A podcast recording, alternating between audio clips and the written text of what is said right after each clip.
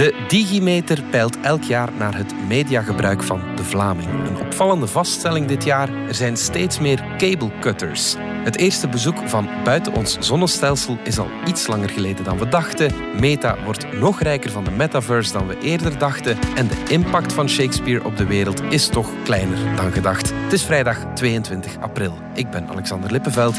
Van de Standaard is dit Bits en Atomen.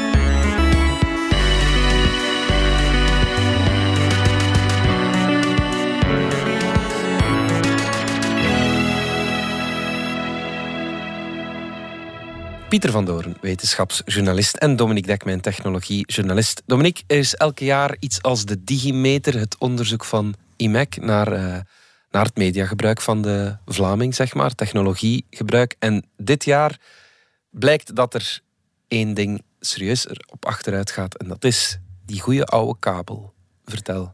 Ja, uh, het is maar een van de vele onderwerpen, maar het is, er is al flink wat gesproken over die digimeter, dus laten we, laten we daar even op inzoomen, want dat heeft inderdaad niet zoveel aandacht gekregen. Mhm. Ja, inderdaad, de cable cutter uh, heet, dat is een, een heel Amerikaanse term die men voor al jaren gebruikt. Wat is de cable cutter? Dat is de persoon die zijn kabelabonnement, zijn televisie opzegt. Want dat heb je allemaal niet meer nodig. We kijken alleen maar streaming. En dus tot hiertoe was dat een mythe die cable cutter bestond eigenlijk niet. Hè. Ik dacht dat het een tang was.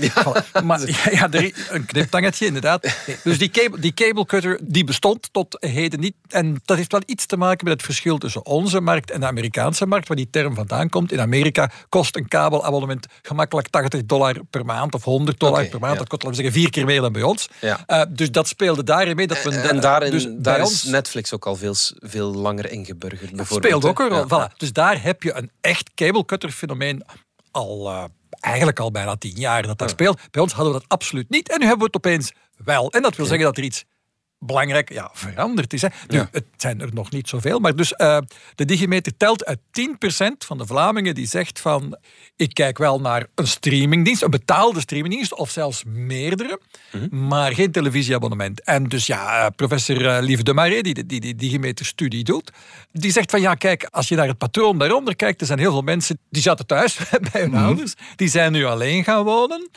Ze beslissen zelf wat er betaald wordt en wat er gekeken wordt. En die vinden het dan niet meer nodig, aangezien ze toch niet zoveel naar live tv meer kijken. Dus Kijk, pak bij wijze van spreken liever Disney Plus. En dan pak ik misschien ook nog Amazon Prime Video. Maar dan laat ik, laat ik die tv-zenders vallen. Want goh, hmm. als je toch eens VRT of VTM wilt kijken, dan kan je altijd de VTM Go-app of de VRT Nu-app gebruiken. Ja. Erg verbazend is dat dan wel niet, natuurlijk. Niet zo verbazend, alleen het was niet en nu is het opeens wel. En het is uh, niet alleen is het slechts, slechts 10%, maar als je kijkt naar bepaalde leeftijdsgroepen, en dat zijn dan inderdaad die mensen die net alleen hmm. zijn gaan wonen, dus je vindt het vooral bij mensen tussen de 25 en de 34. Hè. Er zijn dan misschien nog geen kinderen die dan uh, voor, voor Catnet gezet moeten worden. Het zijn de ouders zelf die beslissen. Ik, daar is ook wel een heel goede app van hoor, Catnet ja, Ook absoluut uitstekend aan iedereen aan te bevelen. Uh, een redder in nood. Ja, absoluut. Koop u een iPad. Maar, dus in die leeftijdsgroep 25 tot 34. En dit zou toch rillingen moeten uh, laten gaan in de directiekamers. Zowel bij de VRT als ja, bij alle Vlaamse zenders. 24 procent, dus dat is net geen 1 op 4 1 op 4 uh, Vlamingen in die leeftijdsgroep 25 tot 34 zegt van ja, dat tv-abonnement heb ik niet meer nodig. Ik heb het al laten vallen. Ja. En, dan, mhm. ja, en als het begint met, eh, in die leeftijdsgroep, ja, dan kan het zich snel, snel op gaan schuiven. Dus het begint er naar uit te zien dat het idee van een televisieabonnement, zoals we dat eigenlijk altijd hebben gehad, sinds dat er kabel ligt, mhm.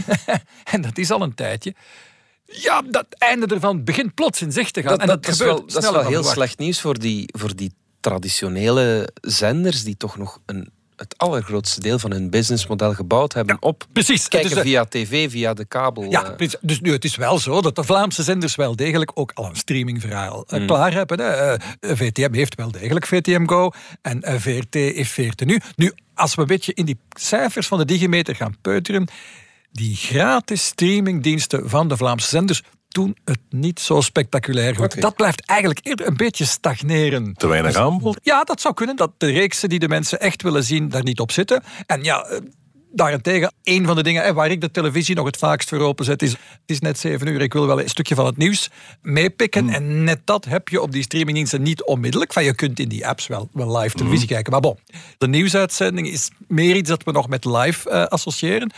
Onze Vlaamse zenders hebben wel apps, maar daar zit niet echt de groei. De groei zit bij de betaalde streamingdiensten. Daar zijn de topreeksen. Als we echt eens in de zetel gaan zitten en we, we maken er wat tijd voor, dan gaan we eerder naar ja, Netflix. Hè? Want dat, dat zijn de cijfers zijn dan overdonderend. Het is eh, 49 procent, dus net niet de helft van de mensen zegt we kijken Netflix. Ja. Is het eh, binge-watchen daarin een belangrijke factor? Want als je naar Netflix gaat, je, je zet een aflevering van iets op, dan kan je de hele avond kijken. Als je een trouwe thuiskijker bent, dan kan je dat bijvoorbeeld niet. Is dat de, de manier waar, waar de VRT en VTM daarmee, oh, en, en Play natuurlijk, daarmee zouden moeten omgaan, denk je? Eh, wel, dat bingen is zeker een factor. Alhoewel, als je dan kijkt, eh, wie is de nummer twee geworden in Vlaanderen? En dat is ook nieuws. Eh, alhoewel dat we toch wel vermoeden. de sterke nummer twee op de streamingdienst en snel aan het inhalen zelfs, is Disney. En Disney doet ja. dat hele binge-ding niet. Dus, Ja, dus ja, ja, de die meeste hebben wel een schitterende catalogus natuurlijk. hè. ja, ze hebben natuurlijk dat een hebben ze, gigantische catalogus van dingen die je kunt bekijken. Maar aan de andere kant, hun reeksen brengen zij meer traditioneel, zoals televisieaflevering per aflevering. Dus dat binge-effect van Netflix speelt zeker een rol, maar dat is zeker niet alles. En ja, als we het dan toch dus over Disney Plus hebben, dus die zijn nu opgeklommen vorig jaar. Netflix, dat is blijven groeien, zelfs na die lockdownperiode. Je denkt van iedereen heeft een abonnement gepakt tijdens die lockdown. Ja, het is niet wanneer je eindelijk weer buiten mag dat je nog grap een abonnement gaat pakken. Maar. Netflix toch Desondanks. blijven doorgroeien. Maar wie dus ook sterk is doorgegroeid, is Disney Plus. Van zo'n 8% eh, marktaandelen vorig jaar naar, eh, naar nu eh 16%, dus nog verdubbeld. Terwijl streams, en dat is dan de Vlaamse Netflix moest dat worden, de Ja. streamingdienst die het gezamenlijk initiatief is eh, van DPG Media, dus van VTM en, eh, en van Telenet. Ja, dus zijn flink gegroeid van 8% naar 11%, maar zijn daardoor flink achter aan het lopen op Disney. Dus Ja. de, het Vlaamse antwoord op streaming schijnt voorlopig niet even succesvol als het Amerikaanse origineel. En dat is, ook dat is iets eh, ja, voor, voor al die mensen om zich zorgen over te Dus er maken. wordt niet alleen gevloekt bij VRT, VTM, er wordt ook gevloekt bij ja, Telenet bijvoorbeeld. De, Ja, Telenet en, grote en, kracht en, achter en streams. VTM, DPG Media zitten samen in dat, dat Streams-initiatief, hè, dat, nu, dat nu een tweetal jaar, eh, nog, nog geen twee jaar loopt. En dat moest dus het, het grote antwoord zijn. En dat is op zich, heeft dat zeker een po- positie veroverd. Ze hebben redelijk wat Vlaamse topreeksen voor zich kunnen houden. Maar dat Tegen de grote niet- jongens moeten ze het eh, afleggen. op dit moment, en, en een grote verandering die we daarin hebben gezien, eigenlijk wat, wat ze misschien onderschat hebben, is, en dat beginnen we nu pas eigenlijk te zien, het idee was een beetje van, wij hebben onze Vlaamse content en die gaan de mensen willen blijven bekijken op de Vlaamse zenders of op de Vlaamse streamingdiensten. En die Amerikanen komen dan met hun, eh, met hun Hollywood-reeksen en dat is toch niet hetzelfde. hè. De Vlaming wil zijn eigen content. Maar het is helemaal niet zo. Netflix vooral heeft daar de wereld in verrast doordat ze zo sterk zijn gaan spelen met lokale content. Eh, voor een stuk omdat ze dat wettelijk moesten. De, de wetgeving in Europa heeft hen vaak, vaak verplicht om flink te investeren, bijvoorbeeld in Franse reeksen. Maar die reeksen zijn plots heel succesvol geworden. En nu zien we dat Netflix wereldwijd scoort met een Spaanse reeks, mm Casa de Papel, Ja. maar dan plots ook met een, met een Koreaanse reeks. En ja, wie weet Squid Game was dat. eh, ja, precies. ja. En, dus ja, en wat ze aangekondigd hebben, was flink gaan investeren in Vlaamse series. Is dat voor een stuk omdat ze dat nodig hebben op de Vlaamse markt, maar ook voor een stuk omdat zij heel gemakkelijk, als ze net de juiste Vlaamse serie hebben, kunnen ze daar internationaal mee scoren. Iets wat voor een DPG Media of voor een VRT veel moeilijker is. Dus eigenlijk kan een Netflix het zich permitteren om meer te betalen voor een Vlaamse serie dan onze eigen Vlaamse zenders. En ja, dat zijn, dat zijn veranderingen die heel ingrijpend zijn en die we twee, drie jaar geleden zeker niet op die manier zagen aankomen. Het is zich allemaal heel anders aan het afspelen dan iedereen had verwacht. Ja. En zou jij je cable cutten, Dominique? Als ik echt ga kijken hoeveel uren per week ik eh, besteed aan het kijken van live televisie, ja, dat is ongeveer gemiddeld ongeveer nul minuten. Hè? Als ik eens een keer naar, het, naar het journaal kijk, is het nog wel via uitgesteld kijken op de zenders, maar die, die, dat diezelfde nieuwsuitzending staat op dat moment ook op VRT nu. Mhm. En dat is echt letterlijk maar, ja, laten we zeggen, twee klikken verder Ja, verwijderd. het is handiger. Je Dus het is doet nog het altijd- je wilt. Laten we zeggen, de uit, vooral uitgesteld kijken, dat is trouwens een interessante trend erbij. Je hebt live kijken naar televisie, je hebt uitgesteld kijken naar televisie en dan heb je streaming on demand. Maar dat licht uitgesteld kijken is eigenlijk ook al een klein beetje op de terugweg. Dat is eigenlijk ook al een oude manier van kijken. hè. Ja, ja. Streaming, eh, volledig los van wat staat er nu eigenlijk op de zender, is eigenlijk meer de toekomst. Zijn veel mensen daar klaar voor? Ik denk niet iedereen. Ik denk dat heel veel mensen effectief nog graag dat comfort hebben van zelfs als het programma niet nu op dit moment speelt en ik zit net ietsje te laat, ik kan het nog altijd een half uurtje later beginnen kijken. En dus dat licht uitgesteld kijken is eigenlijk een variant van, van live kijken, maar je hangt nog altijd vast aan die zenders. Die zenders helemaal loslaten, ik denk dat dat voorlopig een min- minderheid blijft. En dan speelt ook nog een factor natuurlijk, dat het bedrijf dat eh, graag zou willen dat je een abonnement pakt, bijvoorbeeld op streams, maar dat ook graag zou willen dat je naar de live center 4 kijkt, want het is allemaal van hen. Hè? Dus te- Telenet is, heeft, heeft bepaalt ook wat er allemaal in je telecombundel zit. Hè? En je zult merken dat het eh, in de prijsstructuur van Telenet, maar ook van Proximus, niet zo aantrekkelijk wordt gemaakt om eh, je televisieabonnement eh, te laten vallen. Je krijgt dat er eigenlijk vaak bijna gratis bij. En als je dat wilt laten vallen en terugvallen op een puur internetabonnement, zie je dat je vaak amper goedkoper af bent. Dus die prijsstructuren houden voor een flink stuk kunstmatig, denk ik, die, die, kabeltelevisie nog in stand. Ja.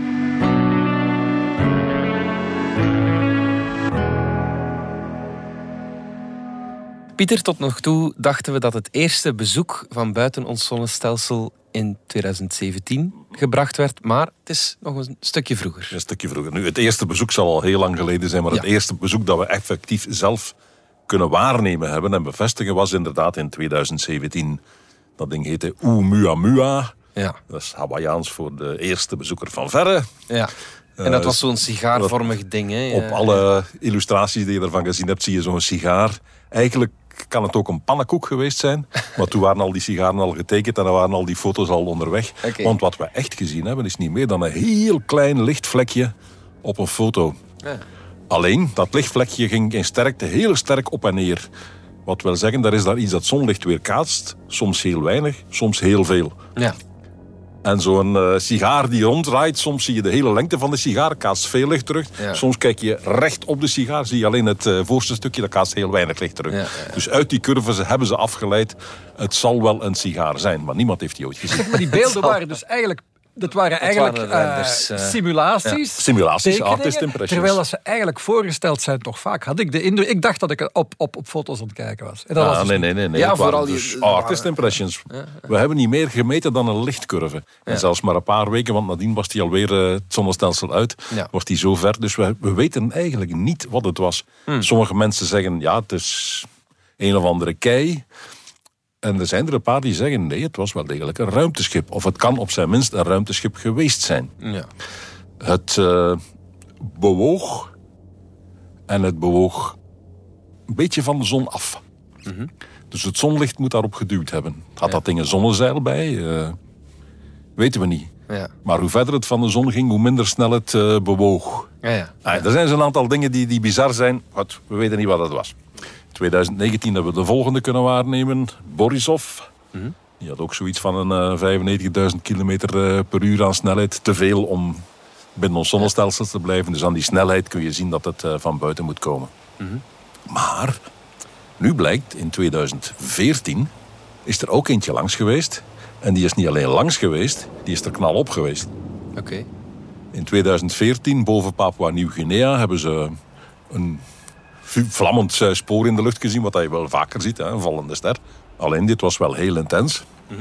Is gemeten geweest. Die cijfers zijn netjes gepubliceerd, zijn in een database gestopt. Want ja, je ziet continu van, van dat soort sporen als je echt de hemel eh, gaat bekijken. En pas in 2019 hebben eh, twee mensen van Harvard die cijfers eens grondiger bekeken en gezegd: hé, hey, wacht even. Als je dit ziet, de richting waaruit het komt en de snelheid waarmee het zich verplaatst. Dit moet van buiten het zonnestelsel gekomen zijn. Die gaat veel te snel. Ja, ja, ja. Dat hebben ze ook willen publiceren. Alleen, ze hadden te weinig gegevens, te weinig metingen van dat lichtspoor om keihard te kunnen bewijzen dat, dat ze juist zaten. De meetmarge op de, de cijfers was te groot. Oké. Er waren wel andere metingen, maar die waren van de Amerikaanse militairen. Ja. De meeste kijkers die de, de lucht afsporen op uh, vurige sporen komen van de militairen. Ah ja. Je kunt niet weten dat Poetin een cadeautje verzonden heeft. uh, dus wij moeten kijken. Vandaag de dag zeker, ja. En militairen zijn militairen, dus die gaan paf bovenop die gegevens zitten en die lossen niks. Ja, ja. Onderzoekers hebben gevraagd, jongens, mogen we jullie gegevens gebruiken en ze bij de onze bijtellen? Dan kunnen we tenminste zeggen, kijk, uh, we hebben hier de eerste bezoeker militairen spelen lekker niet mee. En dat moest dan via het ministerie gaan. En dat moest dan naar het laboratorium gaan dat de metingen gedaan had voor de militairen. En vandaar moest het weer naar de eigenaar van de satelliet waarmee die aan. Ja. Bureaucratie, bureaucratie. Ja, ja, ja. En nu pas dit jaar, dus drie jaar later, heeft uh, het militaire Space Command, want ondertussen hebben de militairen ook een eigen uh, ruimteafdeling, ja, ja. die hebben in een tweet gezegd, ja, wij kunnen die metingen bevestigen. Dat is het. Einde tweet. ja, ja, ja. ja, ja. Nu, Dat is wel een hele bureaucratie om Ja, dat nogal, ja. En die onderzoekers, ja, hoeveel mensen zitten er op Twitter? Die volgen niet alles en zeker de tweets van de militairen niet. Mhm. Dus dat ding is nooit tot de... Die bevestiging is nooit tot bij de onderzoekers geraakt. Ah, ja. Nog eens vijf weken later heeft een collega van bij de NASA ergens een tweet gelanceerd. Een collega die ze wel volgden. Ja. En die verwees dan weer naar de tweet van de militairen. En nu is dus eh, eindelijk bekend geworden dat wat ze in 2019 gemeten hebben over het bezoek van 2014 wel degelijk iets van buiten het zonnestelsel was. Ja, ja, ja. Oké. En dat is vrij zeldzaam. We hebben er dus nu drie die we waargenomen hebben. Ja, ja. Ik had altijd gedacht dat we er veel meer zouden waarnemen. In 2017 trouwens, toen Umuamua langskwam, zat ik hier nog op de redactie en heb ik dat bericht tegengehouden. Want ik dacht, de eerste van buiten het zonnestelsel, dat kan niet. Er vliegen er hier zoveel voorbij, ze moeten al veel vroeger eh, dat gezien hebben. Die journalist die dit bericht naar mij doorstuurt, die heeft toch wel niet goed geluisterd. Ofwel hebben de, de wetenschappers hun eh, fondsen overdreven. Ik geloof er niks van. Ik heb dat ding dus niet in de krant gezet. Het moeten er meer zijn, maar ja, je moet ze waarnemen. Je moet ze vinden. Ja, het zijn kleine dingen. Ze geven zelf geen licht. Dus je moet ze vinden via het zonlicht dat ze weer kaatsen. Ze zoeven met een gigantische snelheid binnen en buiten. En Ja. We hebben er drie effectief bevestigd vanaf nu. En in 1982 was er natuurlijk E.T. Die was er ook al.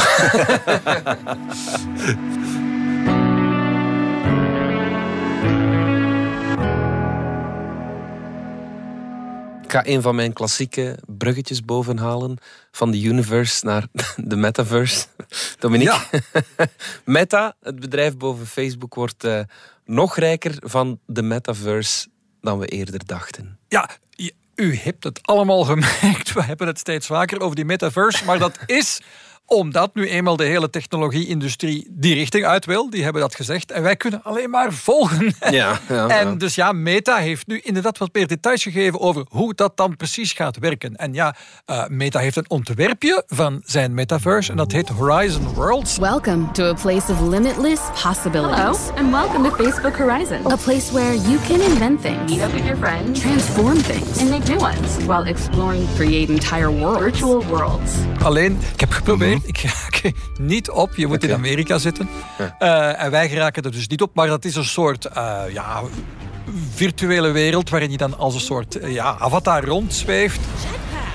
Maar het is, het is de, de metaverse-versie van Facebook. Daar kun je dus eh, in rondhangen als je Amerikaan bent. Mhm. Eh, maar goed, eh, hoe werkt dat dan? Now let's check out some of Horizon's tools and features. Facebook werkt met advertenties, dat weten we. hè, maar is altijd gratis gebleven. Maar in de metaverse zegt men, en dat had, eh, had eh, Philip Rosedale nog bij ons in de krant komen zeggen enkele weken geleden. Ja, reclame en die metaverse, dat, dat rijmt niet zo goed. Veel mensen willen dat niet. Maar eh, het, het model dat, waar heel veel mensen in geloven is van we gaan virtuele objecten in die virtuele wereld eh, kopen. But they were all created by people like you. En mensen kunnen die dan maken, die ontwikkelen dan. En dat is dan het voorbeeld dat altijd genoemd wordt, is eh, virtuele schoenen voor je virtuele avatar. Maar dat zal dan niet in de metaverse van, van Meta zijn. Want in Horizon Worlds heb je helemaal geen voeten.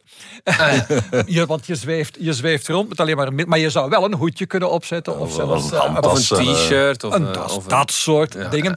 En nu blijkt, eh, want nu heeft eh, Meta de tarieven daarvoor bekendgemaakt. En wat blijkt van, ah ja, kijk, ehm, we gaan eh 30% pakken aan de kant van de apparatuur. Je hebt de Oculus bril nodig om binnen te treden. De Oculus Quest bril heb je nodig om binnen te treden in Horizon Worlds. Dat pakken we 30%. 30% heel mooi. gewoon, want dat vragen iPhone en iPad ook in de App Store van Apple. Dat vraagt Android ook 30% heel gewoon. Maar dat is de bril, maar dan de software. Horizon Worlds vraagt nog eens 25% van wat overblijft, van die 70% die overblijft. En wat krijg je dan in totaal? Dat eigenlijk alle virtuele objecten, alle stukjes lucht, die dus verkocht worden van de ene gebruiker van Horizon Worlds aan de andere, dat eh, Meta daar 47,5% of net niet de helft van in zijn zak steken. Dus opeens klinkt die luchtverkoper is dat niet slecht. Zijn- Dat zijn eh, Precies. notaristrucken. eh. Maar opeens klinkt dus die metaverse gigantisch lucratief. hè. Van, van waar gaan ze in godsnaam hun geld aan verdienen?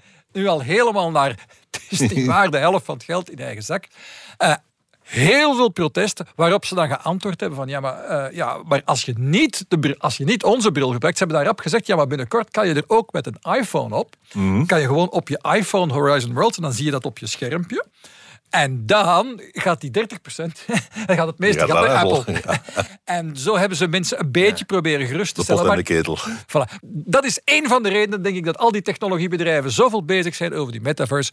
Ze verwachten daar gigantisch veel geld te verdienen. Ja, uiteraard. Maar het is niet verborgen.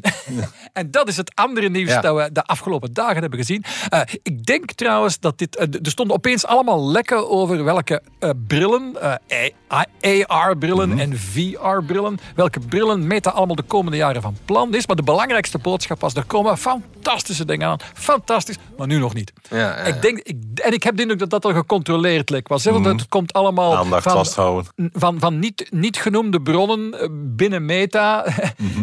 Dan zal dus, het wel echt wel, eh, eh, ik heb de indruk dat het... Dus het is, niet, het is geen per ongeluk lek, Ja. het is een bewust lek waarmee dat ze willen duidelijk maken. Opgelet, verwacht niet dat er dit jaar iets komt. Er komt niks, of er komt tenminste niks spectaculair dit jaar. Het zal nog even duren. Maar dan! Hè, en dus, dus wat er Maar gelekt dan. is, is een soort roadmap waarin je ziet dat de eerste belangrijke AR-bril, hè, dus dat is niet zo'n bril die alles bedekt, maar een gewone bril, Een waar, dan, bril, ja. waar dan beelden bovenop geprojecteerd worden. Die eerste AR-bril is voor 2024, maar twee jaar later komt er een verbeterde versie van en nog eens twee jaar later weten de Metalabs al dan pas, dan komt de superbril. Ja. Eh, dus die is nog zes jaar van ons af. En dus de uitdaging voor Meta is ons nog Ja. zes, zes jaar op het puntje van onze stoel te houden. Waar wij nu goed mee bezig zijn. Ja.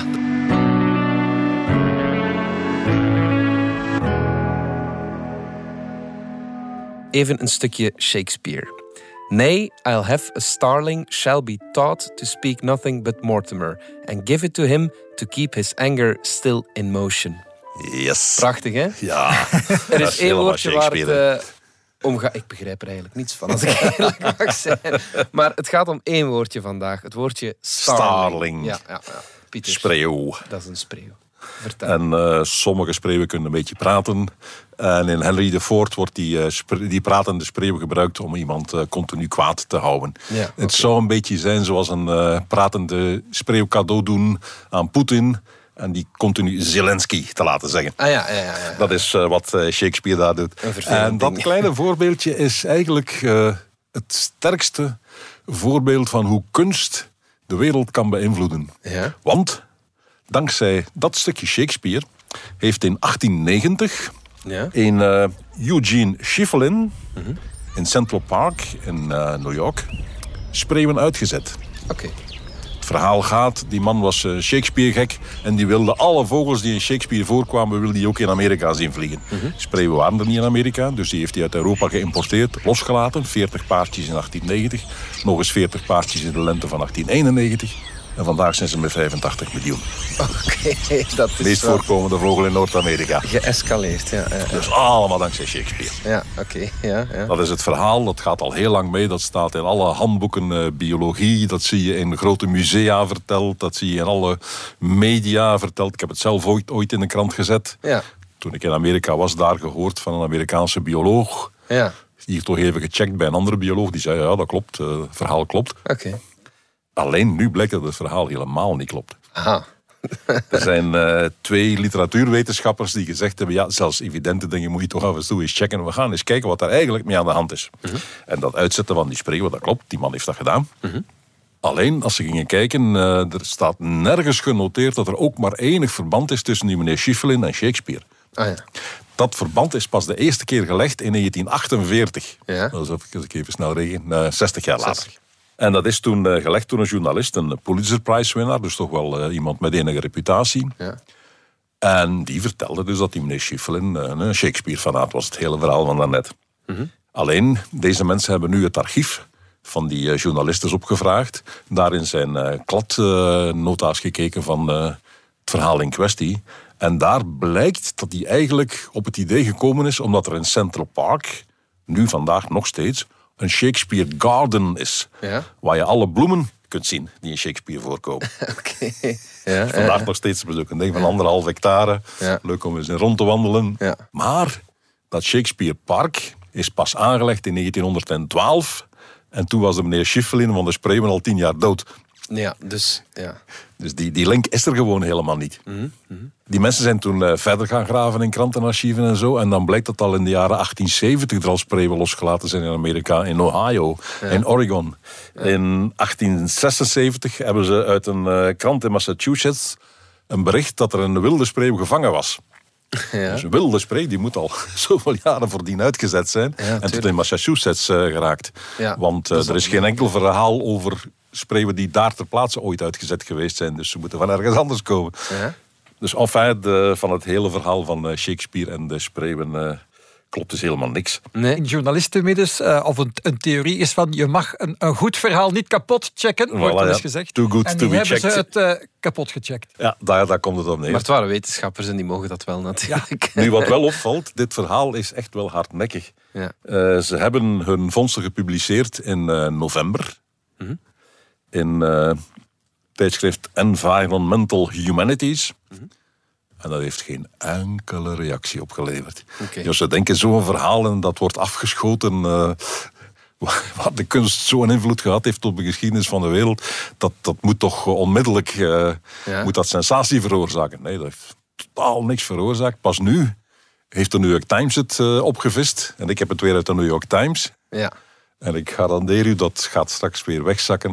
Eh, dat verhaal is zo leuk om voor te vertellen. Dat, eh, En het is nog altijd dat, dat niet gaat niet verdwijnen. Het verhaal. Ja, Als ik u vraag, wie heeft eh, Amerika ontdekt? U hebt al Columbus gedacht. Ja, maar voor u beseft van, hé, wacht even, nee, nee, nee, nee. Maar u heeft al Columbus gedacht. ja, ja, tuurlijk. Ja. Terwijl iedereen weet dat in het jaar 1000 eh Live Ericsson al Amerika ontdekt heeft. Ja. En de mensen die daar al tienduizenden jaren zaten. Ja. Maar toch blijven we zeggen, ja, Amerika ontdekt Columbus. Ja, ja, ja. En ik vrees dat dit ook zo'n eh, verhaal is wat hetzelfde gaat gebeuren. Oké, goed.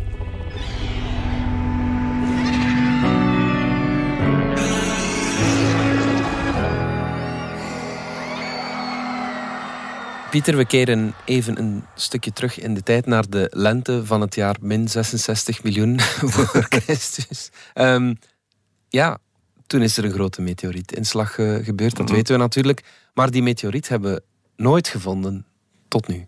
Wel, we hadden bewijzen dat die er was. Ja. Maar we hebben er nooit een stukje van in handen gehad. Als je met magnetometers op die plaats gaat kijken, dan zie je dat daar diep onder de grond iets heel sterk geconcentreerd zit. Dat er een enorme massa zit. En dat moet die meteoriet geweest zijn. Je ziet nog sporen van de, de kraterrand van, die opgeworpen is en zo verder. Eh, Je ziet dat al die, die fossielen van die dino's eh, plots verdwijnen. We weten dat het er geweest was, maar nu hebben we voor het eerst ook een stukje van de kei zelf in handen. Fysiek. Ja. Oké, ja. En dat is nieuw. ja. We hebben het een paar weken geleden hier al over gehad eh, dat het in de lente gebeurd is. Ja. Omdat we een plaats hadden waar we effectief konden zien wat hier eh, terechtgekomen is, was een gevolg van de inslag zelf. Ah ja, ja, ja. Eh, we hadden daar vissen gezien, eh, steuren met in hun kieuwen eh, kleine glasbolletjes. Gesmolten gesteente, dat specifiek van zo'n inslag is. En we hadden kunnen bewijzen dat de datum enzovoort klopte. Ja. Nu hebben we in die glasbolletjes ook effectief een stukje van de steen gevonden. Oké. En dat is niet zo vanzelfsprekend. Die heeft tientallen kubieke kilometers Ja. grond doen verdampen en eh smelten de lucht ingegooid. En natuurlijk ook stukken van de kei zelf weggespat. Allemaal in kleine druppeltjes van eh 1, 2 millimeter ten hoogste. Ja. Dus om binnen die druppeltjes dan net dat ene druppeltje te vinden waar dus niet gewoon aarde in zit, maar een stukje van de steen zelf, is niet evident. Maar goed, het is gelukt. Ja. Op dezelfde plaats waar we die vissen al gevonden hadden, Ja. hebben we nu een eh, glaspareltje met daar binnenin een klein stukje steen. En ze hebben dat eh, stukje steen met een heleboel eh hoogtechnologische toestanden bemeten zonder het kapot te moeten maken. En het blijkt inderdaad dat het geen aarde is. Als het gewoon grond was eh, van deze planeet, dan had daar veel calcium en strontium in gezeten. Dat zien ze niet. Oké. Wat ze wel zien is chroom, ijzer, nikkel.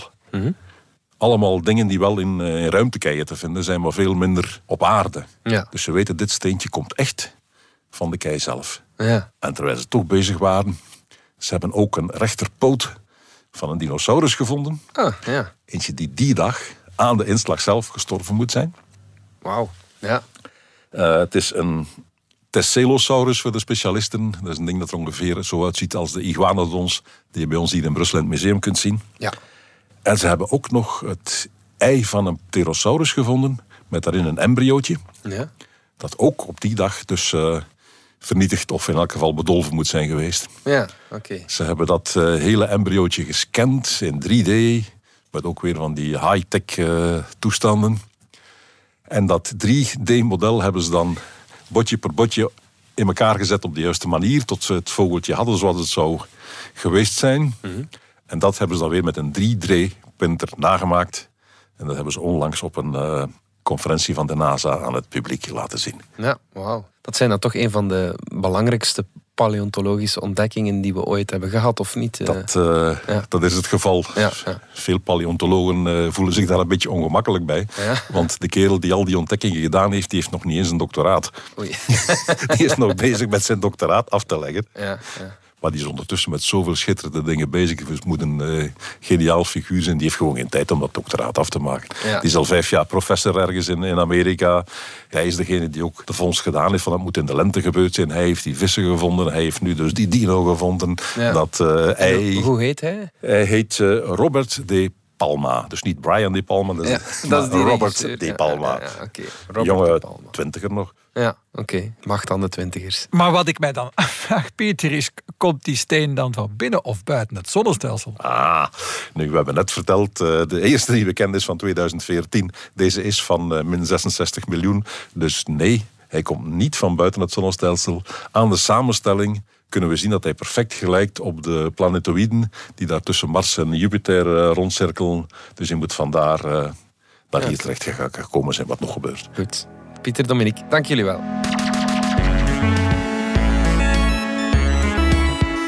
Dit was Bits en Atomen, de wekelijkse podcast over wetenschap en technologie. Bedankt voor het luisteren. Alle credits van de podcast die je net hoorde vind je op standaard.be-podcast. Reageren kan via podcast.standaard.be. Volgende week zijn we opnieuw.